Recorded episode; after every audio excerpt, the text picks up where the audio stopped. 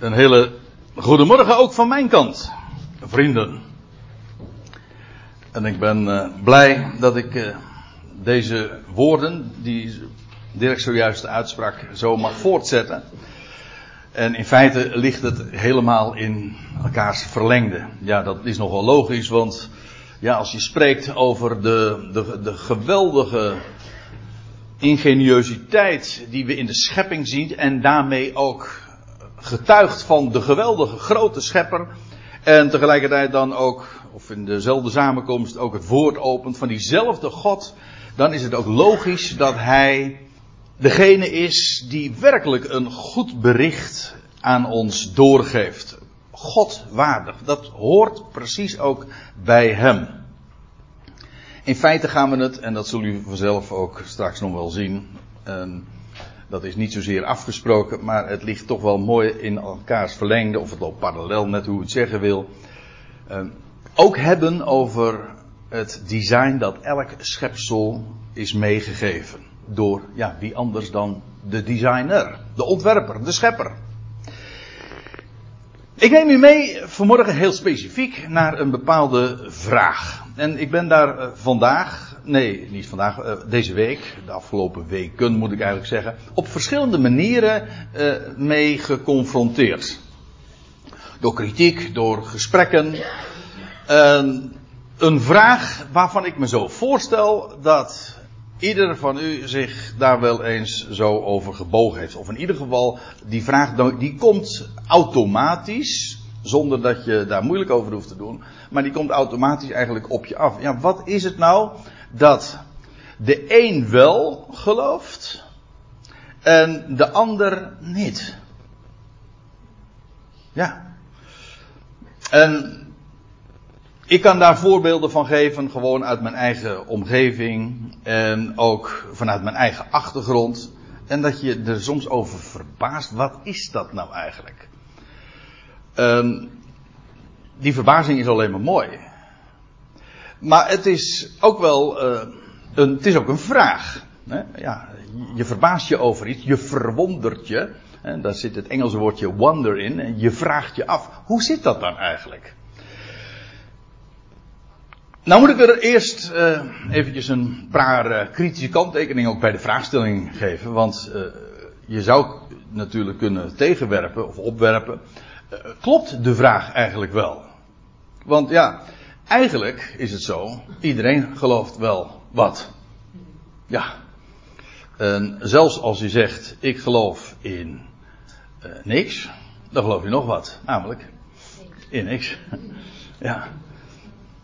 Ik geloof niet dat God bestaat.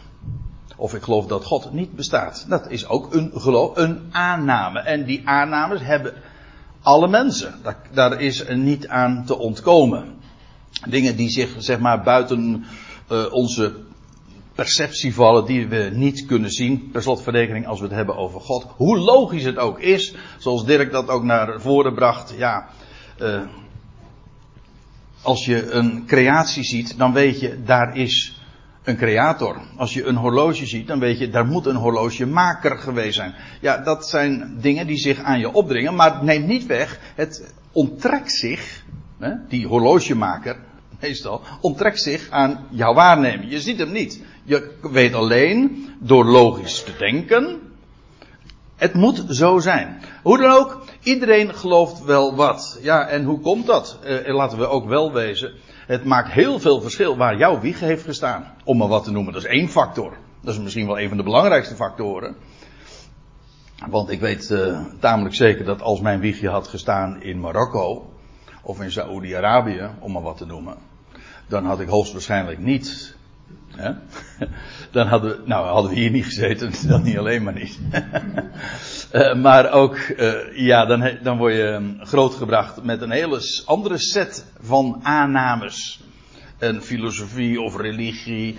Uh, maar dat geldt zo ook wanneer we eventjes het wat minder breed nemen. Als ik, als ik in een heel ander gezin, een andere achtergrond, een ander milieu was geboren ja, dan had ik uh, heel anders waarschijnlijk in het leven gestaan. Ja, gewoon omdat je daarmee opgegroeid bent. En had het zelfs vanzelfsprekend geweest. Met andere woorden, die vraag van, ja, waarom gelooft nou de een wel en de ander niet? Uh, daar, zijn je, daar zijn sowieso ook gewoon hele goede, uh, ik zal maar zeggen, sociologische argumenten voor te geven. Ja, dat is nogal wie dus, waarom jij dat gelooft. Je bent gewoon in zo'n milieu geboren. Hoeft ook niet alles bepalend te zijn, maar het zegt wel heel veel. We gaan het vanmorgen niet op de sociologische toer gooien. Want dat vind ik niet zo erg interessant. Nou ja, misschien wel interessant, maar dat is niet waar het om draait.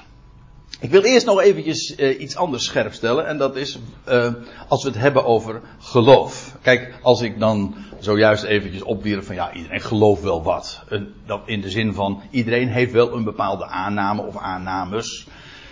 Ja, maar ik heb het over geloof en dan bedoel ik ook niet, juist niet, godsdienst. Met geloof bedoel ik vertrouwen. In iets, maar beter in iemand. En je beaamt iets. Dat is heel interessant als je in het Hebreeuws het woord geloven beziet. Dat is direct verwant aan ons woord amen. Als er staat bijvoorbeeld in, in Genesis 15 dat Abraham geloofde God, dan staat er letterlijk, hij beaamde God. Hij zei amen op wat God beloofde. En God, dat is trouwens wel heel mooi, want geloof heeft altijd te maken ja, met vertrouwen in een God. En let op, dit is belangrijk. Ik heb het ook expres eventjes wat vet gedrukt. In een onvoorwaardelijke belofte, een bericht, een mededeling. Dat is van alle tijden. Dat begint al in het boek Genesis. En in heel de schrift is dat de rode lijn. Hoeveel schakeringen er ook mogen zijn. Hoeveel soorten er ook mogen wezen. Ik sluit weer even aan bij wat Dirk zojuist zei. Zoveel soorten, jawel. Maar een gemeenschappelijke lijn is bij geloof altijd het vertrouwen in een God die onvoorwaardelijk belooft. En aanzegt. Abraham kreeg te horen, zonder dat er eerst iets gezegd werd, de kinderloze Abraham, zijn vrouw was onvruchtbaar en bovendien al op leeftijd. En hij krijgt te horen, als die in de in de nacht naar buiten geroepen wordt en naar boven moet kijken en daar in de woestijn die, die geweldige sterrenhemel ziet. Zo zal jouw nageslacht zijn. En ja, Abraham zal ongetwijfeld menselijke wijze gesproken heel veel vragen gehad hebben. Maar al die vragen die, die verdwenen als sneeuw voor de zon. Een beetje rare spraakgebruik in dit verband, hè, in de nacht. Maar goed. Al die vragen die verbleekten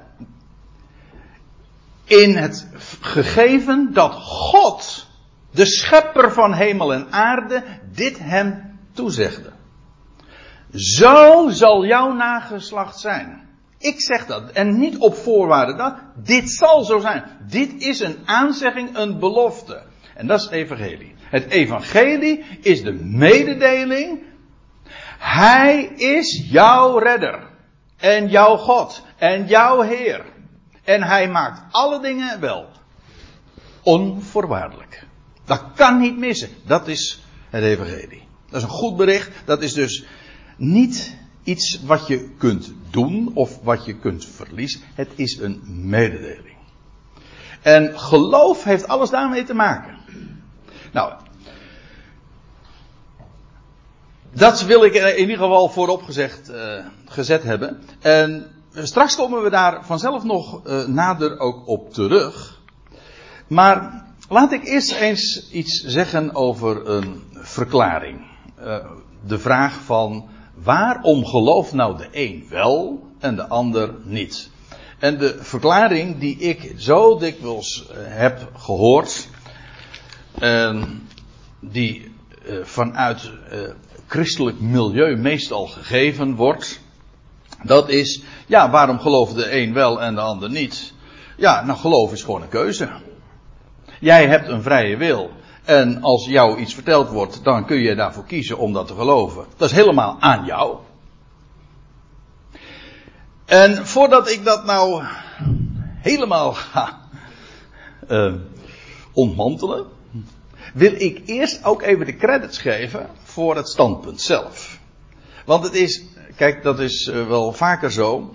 Uh, twee tegenovergestelde standpunten, hoeven, daar hoef je niet altijd een keuze in te maken. Ik zag juist van de week een, uh, op Facebook zag ik een of ander plaatje. Dat twee uh, mannen die stonden tegenover elkaar.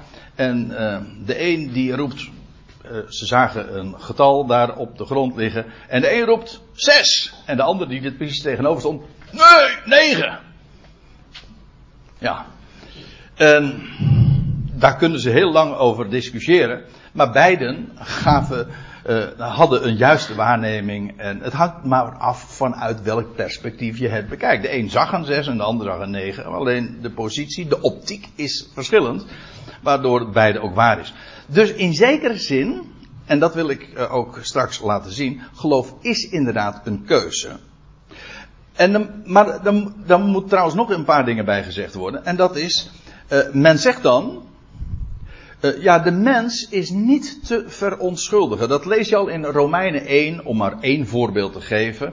Elk mens weet, dat is gewoon ingeschapen.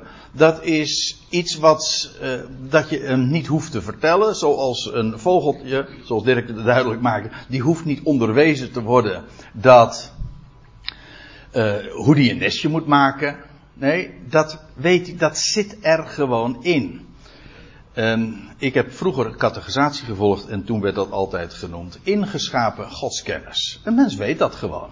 En een mens weet met verstand weet dat God er is. In Romeinen 1 vers 20 lees je ook van, ja, nou ja, eigenlijk waar we het zojuist over hadden, dat uh, Gods eeuwige, on, nee, Gods onzienlijke kracht en zijn goddelijkheid, die worden niet gezien, maar worden met het verstand doorzien en dan staat er ook bij, zodat ze geen verontschuldiging hebben. Dat wil zeggen, ieder kan weten dat God er is. Wat er vervolgens op gebeurt, de mens wordt geboren, weet er, dat is gewoon de, de logica. Hij weet dat God er is, alleen schoolsystemen enzovoorts, uh, onderwijs, die, maak je, die, die brengen je dan andere dingen bij. En die, die kunnen die kennis dan weer onderdrukken. Dat is allemaal mogelijk. En dan word je feitelijk gehersenspoeld.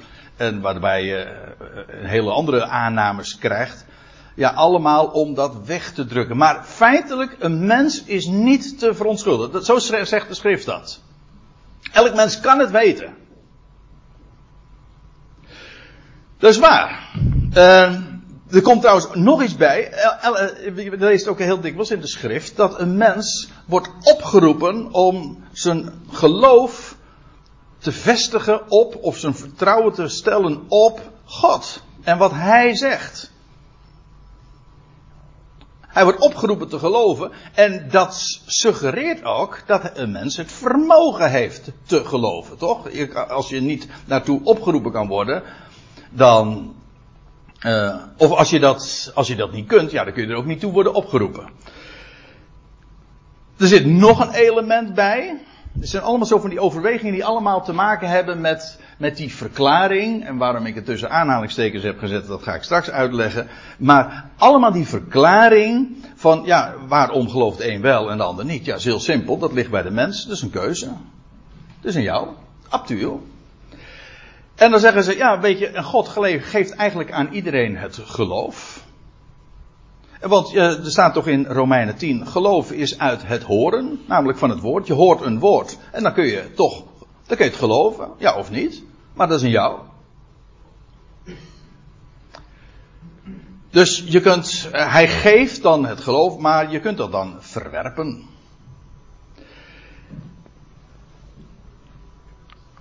Nou, is dat op zich allemaal logisch.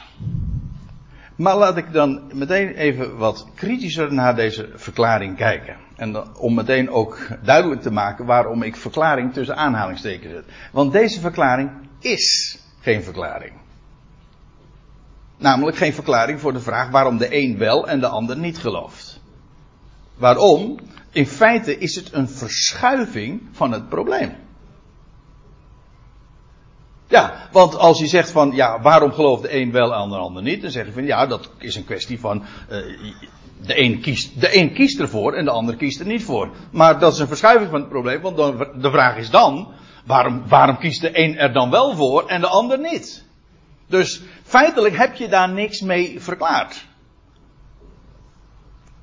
En, en het is opmerkelijk dat vele mensen, en ik bedoel nu eigenlijk dus gewoon te zeggen, uh, verreweg de meeste christenen, die durven hier niet over door te denken. Waarom? Omdat ze het evangelie, klinkt hard misschien, niet echt kennen. Omdat ze namelijk uh, in dat goede bericht voorwaarden hebben ingebouwd. Ja, en de ellende is, dan is geen goed bericht meer. het punt is eigenlijk deze. En opnieuw sluit ik weer helemaal aan bij het, het verhaal wat Dirk eerst hield, namelijk er is een schepper. En niemand van ons heeft zichzelf gemaakt. Ja, het is een hele simpele vaststelling, maar je komt er niet onderuit. Namelijk, uh, hebt u ervoor gekozen om hier uh, in dit land geboren te worden? Heb je ervoor gekozen om uh, als jongetje of als meisje ter wereld te komen? Hebt u ervoor gekozen in wat voor milieu u terecht kwam?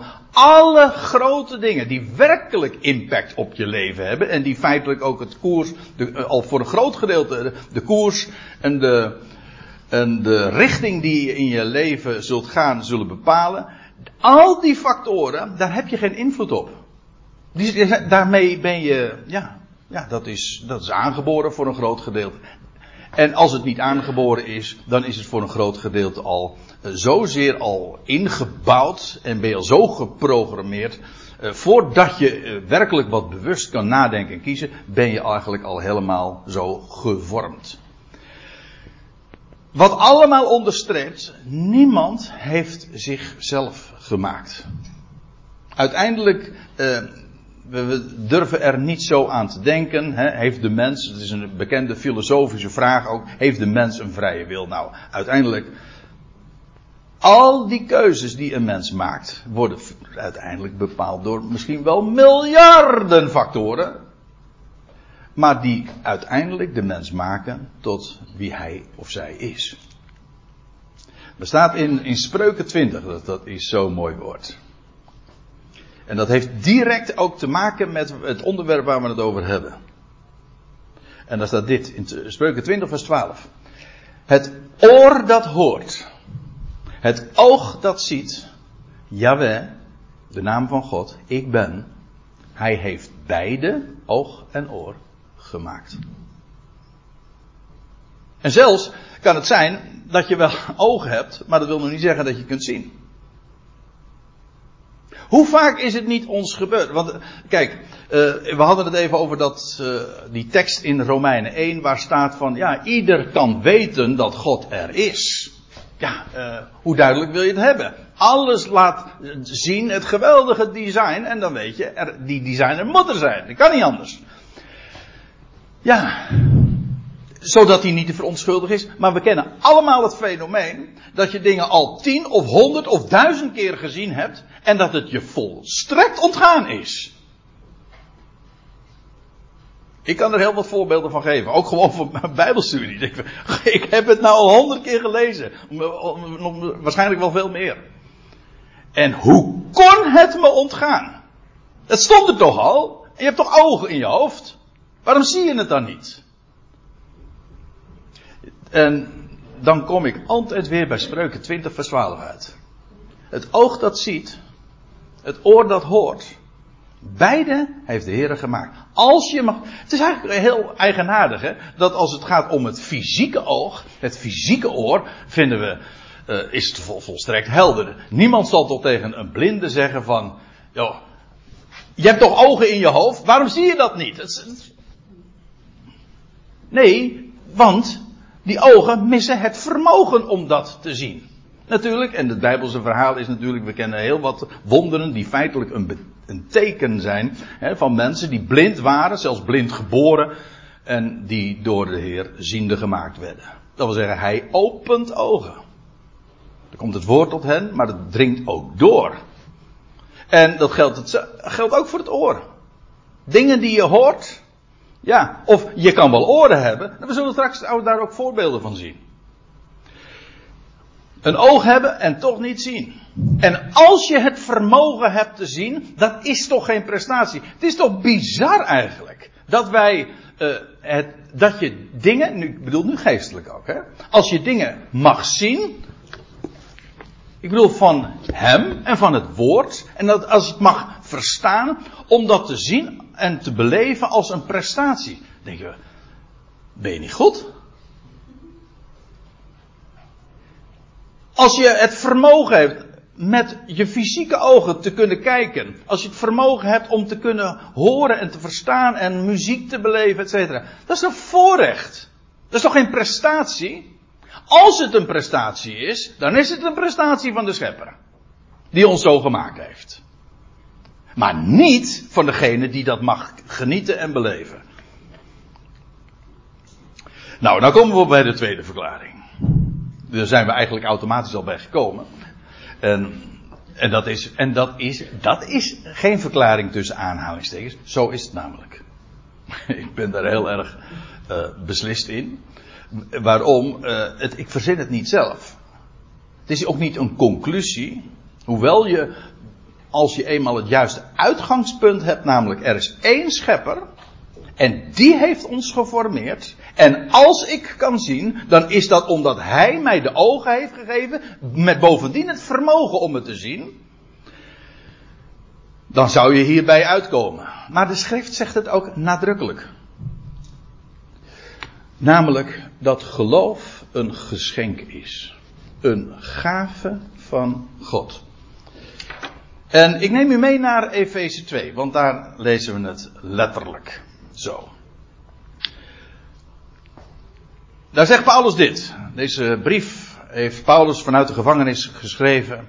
En dan zegt hij ja, een paar van die, ja, van die ontzettende heldere, duidelijke, maar ook zulke schitterende statements. Hij zegt, want in genade, schrijft hij aan zijn lezers, want in genade zijn jullie geredden. Door geloof.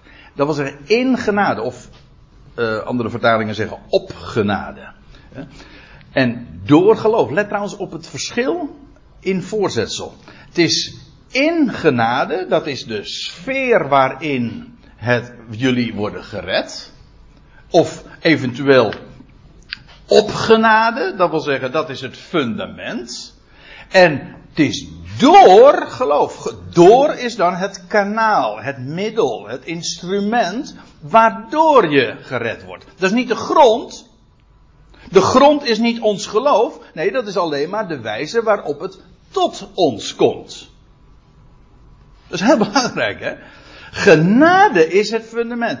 Waarom zijn jullie geredden? Wel, op grond van genade. Dus, genade betekent om niet. Het is vreugde, je, het is een geschenk, het is vreugde om niet. Dat is de basis. En dat komt dan tot je door geloof. En dat het inderdaad genade is, ook dat het door geloof is, blijkt dan vervolgens, want dan staat er zo deze woorden. En dat niet vanuit jullie zelf, Gods naderingsgeschenk is het. In de meeste vertalingen staat er gewoon gave. Of soms geschenk. Maar eigenlijk is wordt hier een woord gebruikt, een geschenk, uh, een, ja, waardoor je tot God kunt naderen. Maar het is een gave, een gift. Die is mooi. Deze moet je echt uh, weten. Uh, en het is een tekst die je echt in je oren moet knopen. Als je oren hebt om te horen, hè, dan zou ik zeggen, knoop hem erin. Want uh, het is in genade dat jullie geredden zijn. Het is door geloof. En dat niet vanuit jullie zelf. Gods genaderingsgeschenk is het. Nou heeft men tegengeworpen. Zegt van ja. Men dat niet vanuit jullie zelf. Dat slaat op het feit dat je gered bent. Dat je de behouden is. Dat is een, het geschenk. En, maar dat je gelooft, dat is helemaal uit jou. En de grap is, ja, ik vind het wel leuk dat men dat dan zo tegenwerpt. Maar je loopt daarin vast. En degenen die Grieks kennen, die weten ook, die, die zien eigenlijk ook in één ogenblik. In één, uh, in één, uh, hoe zeg je dat? Ja? Eén oogopslag, dat is het woord dat ik zocht. Ik zag het niet. Ik. En nu hoorde ik het wel, ja. In één oogopslag zie je namelijk in het Grieks, en ik ga u uh, niet vermoeien met de details omtrent uh, dat gegeven, maar je hoeft, niet, je hoeft geen expert te zijn om te weten dat uh, in het Grieks veel meer dan in onze taal woorden mannelijk, vrouwelijk of onzijdig zijn. En in dit geval, dat is een onzijdig woord. En als men zegt van ja, maar dat slaat op geredden, dat kan helemaal niet. Want dat is namelijk weer, dit is mannelijk. En dat, dan kan dat nooit hierop geredden zijn. Op geloof kan het ook niet slaan, uitsluitend, want dat is weer vrouwelijk. Het, in het Grieks blijkt onmiskenbaar dat dat, dat, dat, drie keer dat, ja. Uh, dit woord dat slaat namelijk op het hele voorgaande. Dat wil zeggen op dit hele vers. In genade zijn jullie geredden door geloof. En dat, namelijk dat jullie in genade geredden zijn door geloof, is niet vanuit jullie zelf. Dat wil zeggen, het is een totaalpakket. Die redding en geloof, het is allemaal niet vanuit jullie zelf.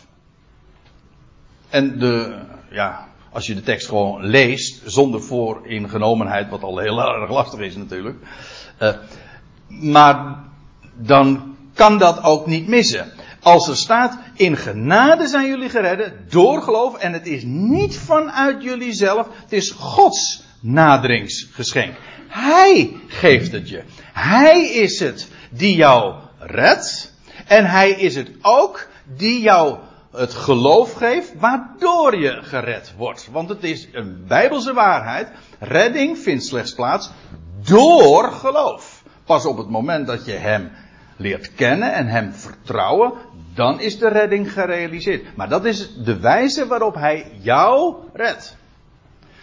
Genade het fundament, of de sfeer waarin dat gebeurt. Geloof is het instrument. En het is allemaal niet vanuit jullie zelf. En nou lees ik nog even verder. Want dan, dan blijkt ook dat alles perfect in elkaar past. Want er staat er vervolgens. Het is niet vanuit werken, opdat niemand zich zou beroemen. Niet vanuit werken, dat wil zeggen, het is geen verdienste. U weet, in de Bijbel, in de Bijbel is het begrip werken, heeft altijd te maken met iets doen, ja, om er iets voor te ontvangen. En per slotverrekening, dat is allemaal waarom een mens toch werkt. Hè? Iets doen om loon. Het is geen verdienste. Het is geen prestatie. Waar, en waarom is het geen prestatie? Wel, opdat niemand zich zou beroemen. Zodat niemand kan zeggen van ja, maar ik ben gered omdat ik er iets voor gedaan heb. Of ik ben gered, ja, want ik heb geloofd. Want ik ben, ik heb gekozen. Als je dat zegt, dan geloof je niet. Nee, dan ben je aan het werken namelijk. Als je zegt dat jouw geloof iets van jezelf is, dan is dat dus werken, maar dan is het geen genade meer. De essentie van geloof is juist dat je het ook ontvangt. Hij geeft het je zodat er geen enkele roem is.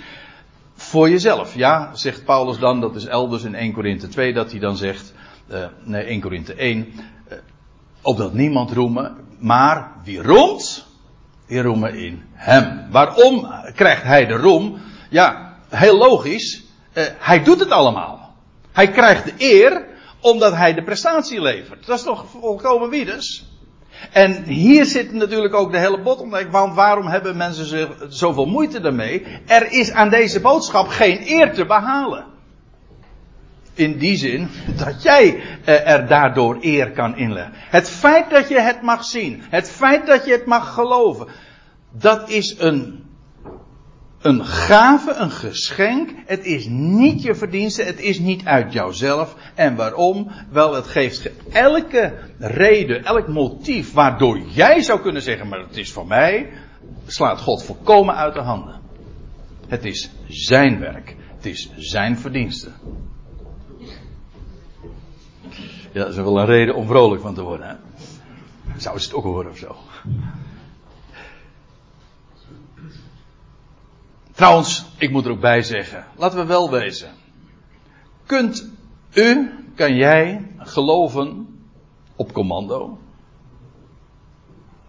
Dat kan toch helemaal niet?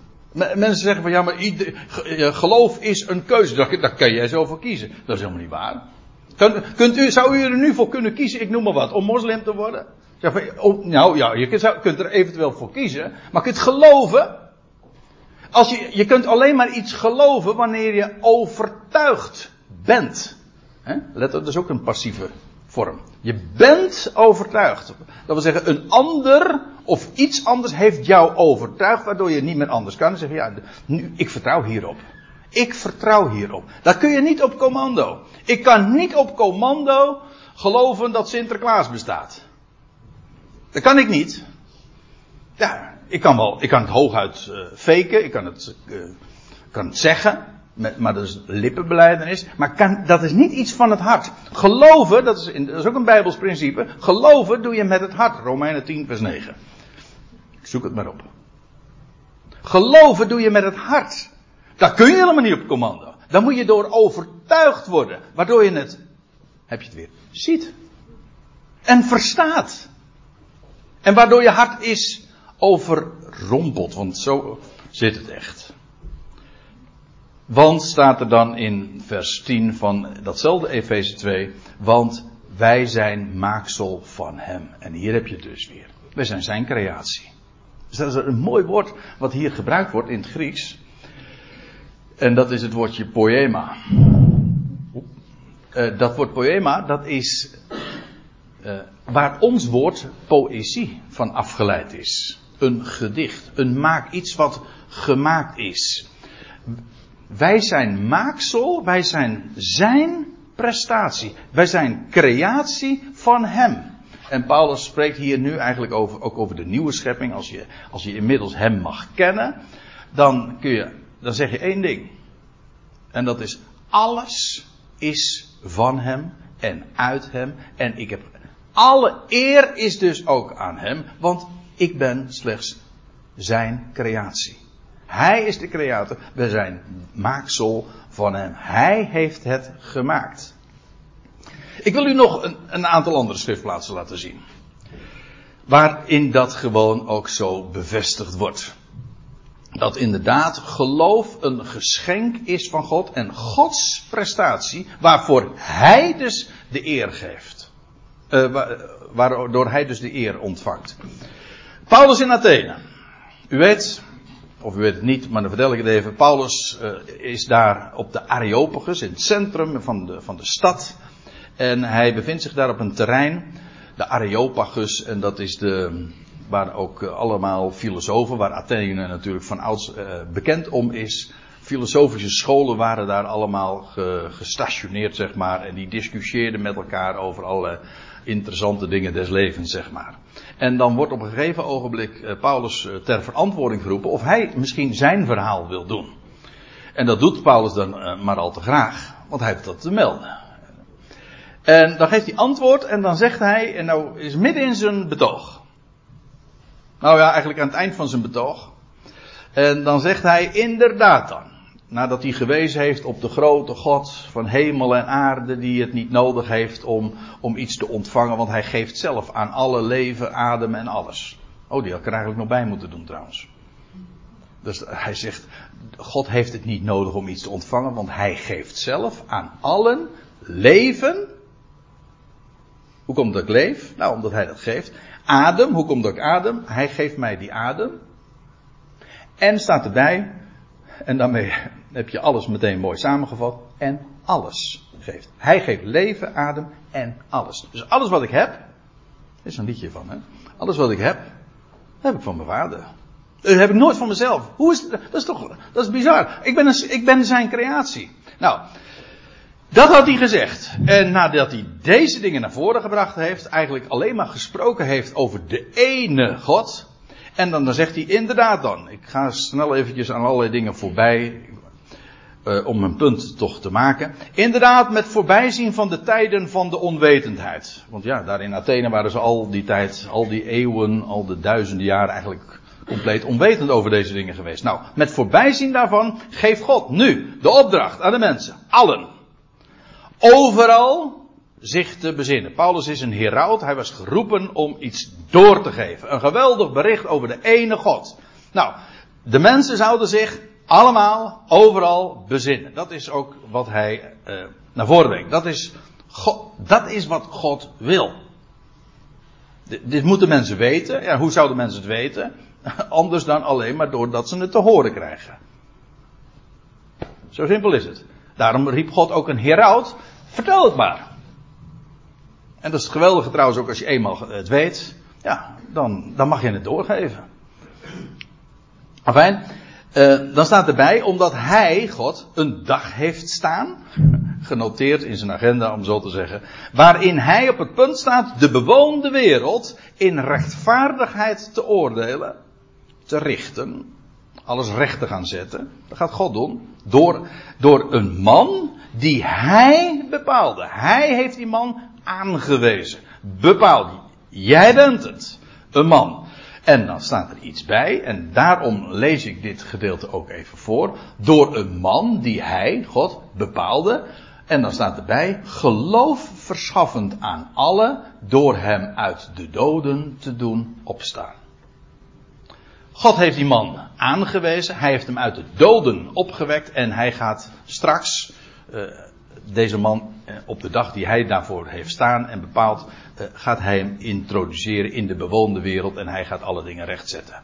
Dat is eigenlijk wat hier staat. Maar let even op deze ene zin die ertussen staat. Geloof verschaffend aan allen. De meeste vertalingen wordt het, dat verschaffen wegvertaald, weggemoffeld. Want men wilde niet zo aan. Maar let op, dat Paulus dus, terwijl hij daar in Athene staat, in, in dat publiek uh, zijn zegje doet, dan zegt hij nu al, terwijl hij een geweldig bericht heeft verteld, God, de God waar ik over spreek, die aan alle leven en adem en alles geeft, die gaat geloof verschaffen aan allemaal. Dus hij zegt daar feitelijk mee, Jullie, ook al gaan jullie zeggen van nee, want ik zal u dit vertellen, als Paulus dit gezegd heeft, na deze woorden, dan uh, de grote meute die naar hem luisterde, die uh, zei, interessant, dat is typische filosofische reactie, interessant punt, we horen u nog wel een keer. Hm? Don't call us, we call you. Nooit meer dus.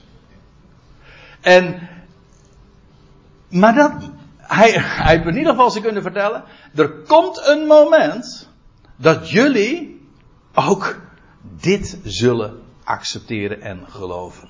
Vertrouwen daarop. Mooi hè, dat Paulus niet alleen maar een goed bericht vertelt, maar hij vertelt ze ook, er komt een moment dat jullie dat ook gaan zien. Hij verschaft geloof aan allen. Dat zegt hij dus ook tegen, al de, tegen dat publiek die er misschien helemaal niks van moest hebben. Deze boodschap dat God geloof verschaft aan allen, dat hoort ook bij het evangelie. Dat is geweldig. Hij is de redder. En je kan tegen iedereen zeggen, er komt een moment, zegt de schrift, en dat is wat God te melden heeft. Er komt een moment dat iedere knie gaat buigen en elke tong het ook zal erkennen. Van harte. Hij verschaft namelijk geloof aan allen. En als iemand dan zegt, nou daar geloof ik niks van. Dan zeg je, nog niet. Wacht maar. Dat, is, dat, is, uh, dat, dat maakt het zo relaxed. Mensen zeggen, uh, natuurlijk, ik begrijp, dat geldt zeker voor degenen die heel lief en dierbaar zijn. Uh, om, als je ouder bent, wat is er mooier dan als je, als je kinderen daarin ook meegaan en dat ook dat ze dat zien. Maar het geweldige is juist, dat alle mensen waarvan wij zeggen zijn ongelovigen, het fijn zijn, het zijn nog niet gelovigen. En dat vertrouwen, dat geeft zo'n enorme rust. Waarom? We kennen een God die geloof verschaft aan allen. Dan kijk je ineens heel anders tegen al die andere mensen aan. En dit vind ik zo geweldig dat het een geschenk is. Want ik weet heel goed, ik, daar ben ik Calvinistisch genoeg voor ook grootgebracht. uh, dat in, in een reformatorische gezinte, daar de echte, de, de hardcore zeg maar, die, van, van die wereld, die zijn Gomeriaans. Ik gooi er nu even een paar theologische termen doorheen. Als u zegt van dat, daar heb ik geen boodschap aan, prima, dan vergeet u dat even. Maar degenen die Calvinistisch groot geworden zijn, en dat zijn er een heel aantal hier toch wel, die weten dat, ja, de Calvinisten die zeggen, geloof is een geschenk. Hè? Dat was het grote verschil ook met de remonstranten, de Arminianen, die zeiden van nee, geloof is een vrije keuze. Calvinisten die zeiden, nee, geloof is een, is een geschenk. Ik ben dus in die zin een Calvinist. Maar, uh, ik haast mij te zeggen uh, dat dat werd uh, vervolgens, als je zegt geloof is een geschenk, is geweldig. Ja, maar dat geschenk geeft hij slechts aan een enkeling. En totdat je de ontdekking doet, hij verschaft het geloof aan allen, alleen ieder op zijn, zijn of haar tijd. Kijk, dat is het grote verschil. En precies zoals, uh, ik refereer weer even wat, aan wat Dirk uh, in de aanvang zei. Wij zijn eerstelingen. Wij mogen de dingen zien en erkennen en verstaan. Die eens al die miljarden mensen zullen zien.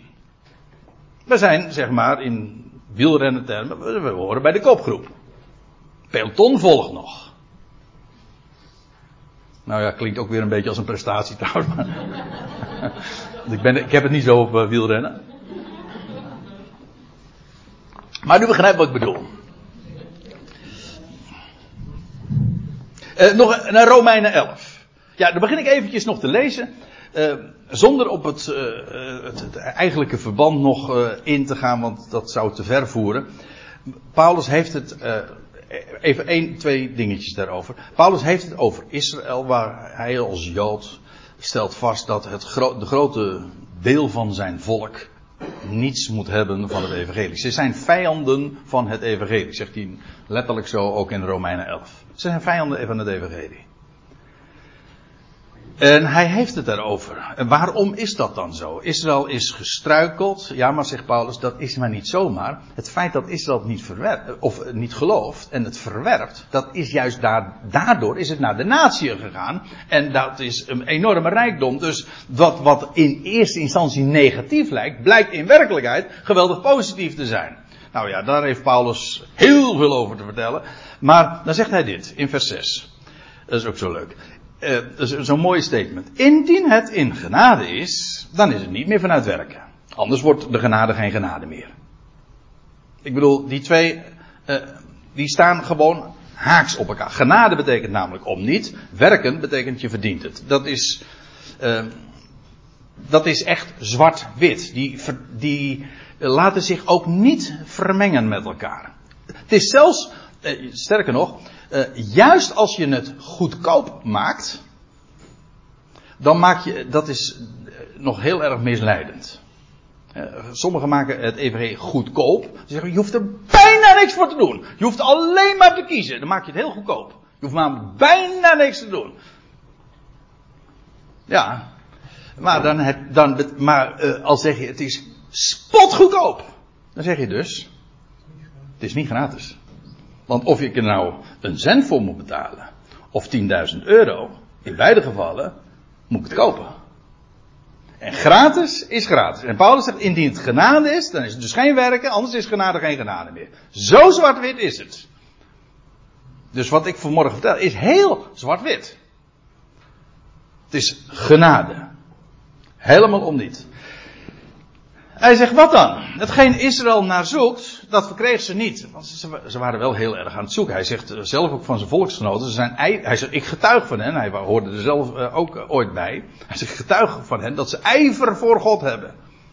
Ijver voor God. Ze zijn zo drukdoende, ze, zijn, ze doen er zoveel aan. U kent die term toch van de, als het gaat om godsdienstigheid, mensen die zeggen van, nee, die doen nergens meer aan. Weet je wel?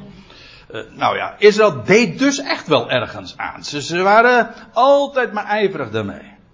Ja, maar ze verkregen het niet. Waarom niet? Zegt, nou, omdat ze uitgingen van werken. Daarom. Daar struikelden ze over. Maar het uitverkorene verkregen. Dat wil zeggen dat wat God had uitgekozen, dat verkreeg het. Dat is ook zo'n akelig ding, hè? Dat God uitkiest. Maar het is wel de reden eh, waarom de een gelooft en de ander niet. God kiest uit. Ja, niet exclusief in die zin van de andere uitsluitend, maar hij kiest uit, hij kiest eerstelingen uit, om de rest ook te bereiken. Dat is een, een bonus zou ik haar zeggen, een extra voorrecht. Maar zegt hij, de overige echter, het uitverkoren deel, degene die het accepteerde, degene die geloofde, die verkregen het. En de overigen die werden verhard. Dat wil zeggen, die, ja, het hart werd verhard, versteend. Het kwam niet meer binnen. Het hart werd met een T, werd hard met een D.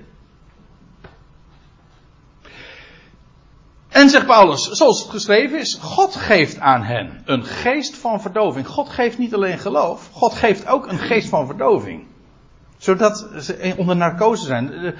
Dan kun je zeggen, ze hebben toch ogen, ze hebben toch oren. Ja, maar als je onder narcose bent, verdoofd bent, dan hoor je en dan zie je helemaal niks meer. Nou, zo is het momenteel met het grote deel, de overigen, de meerderheid van Israël. Zegt, daar heeft Paulus dan dit, in dit geval over. Maar het geldt feitelijk voor de hele wereld.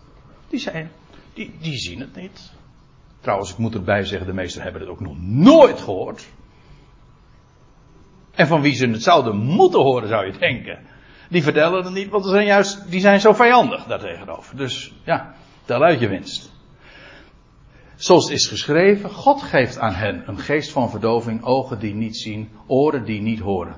Het is, en dan zegt hij erbij, tot de dag van vandaag. En nu zijn wij in 2018 en het is nog steeds zo. Duurt niet lang meer trouwens, maar goed. Maar het gaat mij even om het feit dat God die geeft geloof, maar God geeft ook ogen die niet zien en oren die niet horen. En natuurlijk, wij vertellen het evangelie, wie, wie, wie het maar horen wil. En hoe zouden ze het geloven ze niet te horen krijgen? Je kunt ook niet zeggen dat iemand niet een ongelovige is als hij, als hij nog nooit het evangelie vertelt. Dan zijn ze onwetend. Nou, vertel ze het maar. God is een redder. En ze gaan het een keer geloven. Ja, maar hij geeft ook en dat is het geweldige en eigenlijk ja, waar het deze hele morgen om draait. God geeft geloof. Aan de een, nu al en straks aan allen. Hij verschaft geloof. Maar hij geeft ook ogen op die niet zien. En oren die niet horen. En als je dit eenmaal, dit geheim kent. En daarmee ook het geheim van genade dan, dan daalt er een diepe vrede in je hart. Want dat, dat betekent dat je het allemaal aan die God kunt overlaten. Want hij verschaft het op zijn tijd, op zijn wijze. Nou, en dan sluit ik af met Romeinen 11. En dat doe ik wel vaker. Romeinen 11 is, dat laatste gedeelte, is ook een hele afsluiting. En daar staat dit. Romein 11 vers 32. Ik skip nu een heel aantal versen en dan zegt Paulus dit. Uh, als afsluiting, als conclusie ook van zijn betoog. Hij zegt, want God sluit allen op in ongezeggelijkheid. In, ongehoorzaamheid staan in de meeste vertalingen. Men, let op trouwens op dat allen ging hier, de directe aanleiding was Israël. Maar Paulus had in het voorgaande al gezegd al over de hele mensheid. Alle afstammelingen van Adam. Ze zijn allemaal stervelingen. Ze zijn allemaal uh, zondaren. Mensen die geen oor hebben. En als je een oor hebt, en dat mag verstaan, dat komt dat hij dat geopend heeft. Maar God sluit allen op in ongezeggelijkheid. Als, als je dan een punt zet, ja, dan heb je dus de clue niet begrepen. Ik zeg dan, heb je een halve waarheid en dus een hele leugen. God, God sluit allen op in ongezeggelijkheid. Als iemand ongezeggelijk is, ongehoorzaam is, dan heb ik, dan is ook dit een bijbelse waarheid. God sluit daarin op, want hij geeft ook verdoving. En hij geeft ook ogen, zowel om niet te zien als om wel te zien. Hij is de schepper. Maar hij doet dat. Hij sluit alle op in ongezeggelijkheid. Geen mens van natuur, laten we het zo zeggen. Geen mens van nature begrijpt en ziet en verstaat dat hij werkelijk God is en de redder is van, van deze hele wereld. Daar moet hij je ogen voor openen. En daar moet hij je hart voor openen. Maar hij sluit allen op in ongezeggelijkheid, opdat hij zich over allen zou ontfermen. God heeft het geheel op het oog. Want, zegt dan vers 36, want vanuit hem en ook door hem, maar ook weer tot hem zijn alle dingen. En eigenlijk is het zo, ik betrap me erop dat ik met dit vers heel dikwijls afsluit, maar eigenlijk is het ook een antwoord op alle vragen. Romeinen 11 vers 36, dat is nog zo'n vers dat u in uw hoofd en uw oren moet kropen. Ja, dit is zo'n geweldig vers. Ik heb tegen Peter wel eens gezegd, te komen te overlijden, dan mag je me dat op op mijn steen zetten. Romeinen 11, vers 36. Uit hem, door hem, tot hem zijn alle dingen. Waarom zijn de dingen zoals ze zijn? Nou, het is uit hem. En ook door hem. Maar ook weer tot hem. Noemt u maar eens iets dat geen antwoord geeft of dat, uh, waar dit niet op van toepassing is en waar dit niet het antwoord op is. Dit geldt namelijk voor het al. Voor alles. Hij is de bron. Hij is de regisseur. En hij is degene die het allemaal perfect op zijn wijze en tijd tot een goed einde gaat brengen. En daarom aan hem de heerlijkheid. Wie ontvangt daarvoor de eer? Nou, hij. Want het is allemaal, het is allemaal uit hem. Aan hem de heerlijkheid tot in de Ionen. Die ook nog gaan komen, de wereldtijdperken. Hij gaat alles zo tot hem brengen. En hij gaat alles thuis halen. Geloof verschaffend aan allen. En dat geeft, en daar sluit ik dan echt mee af.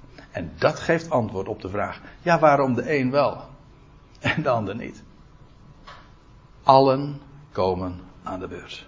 Op zijn tijd, op zijn wijze.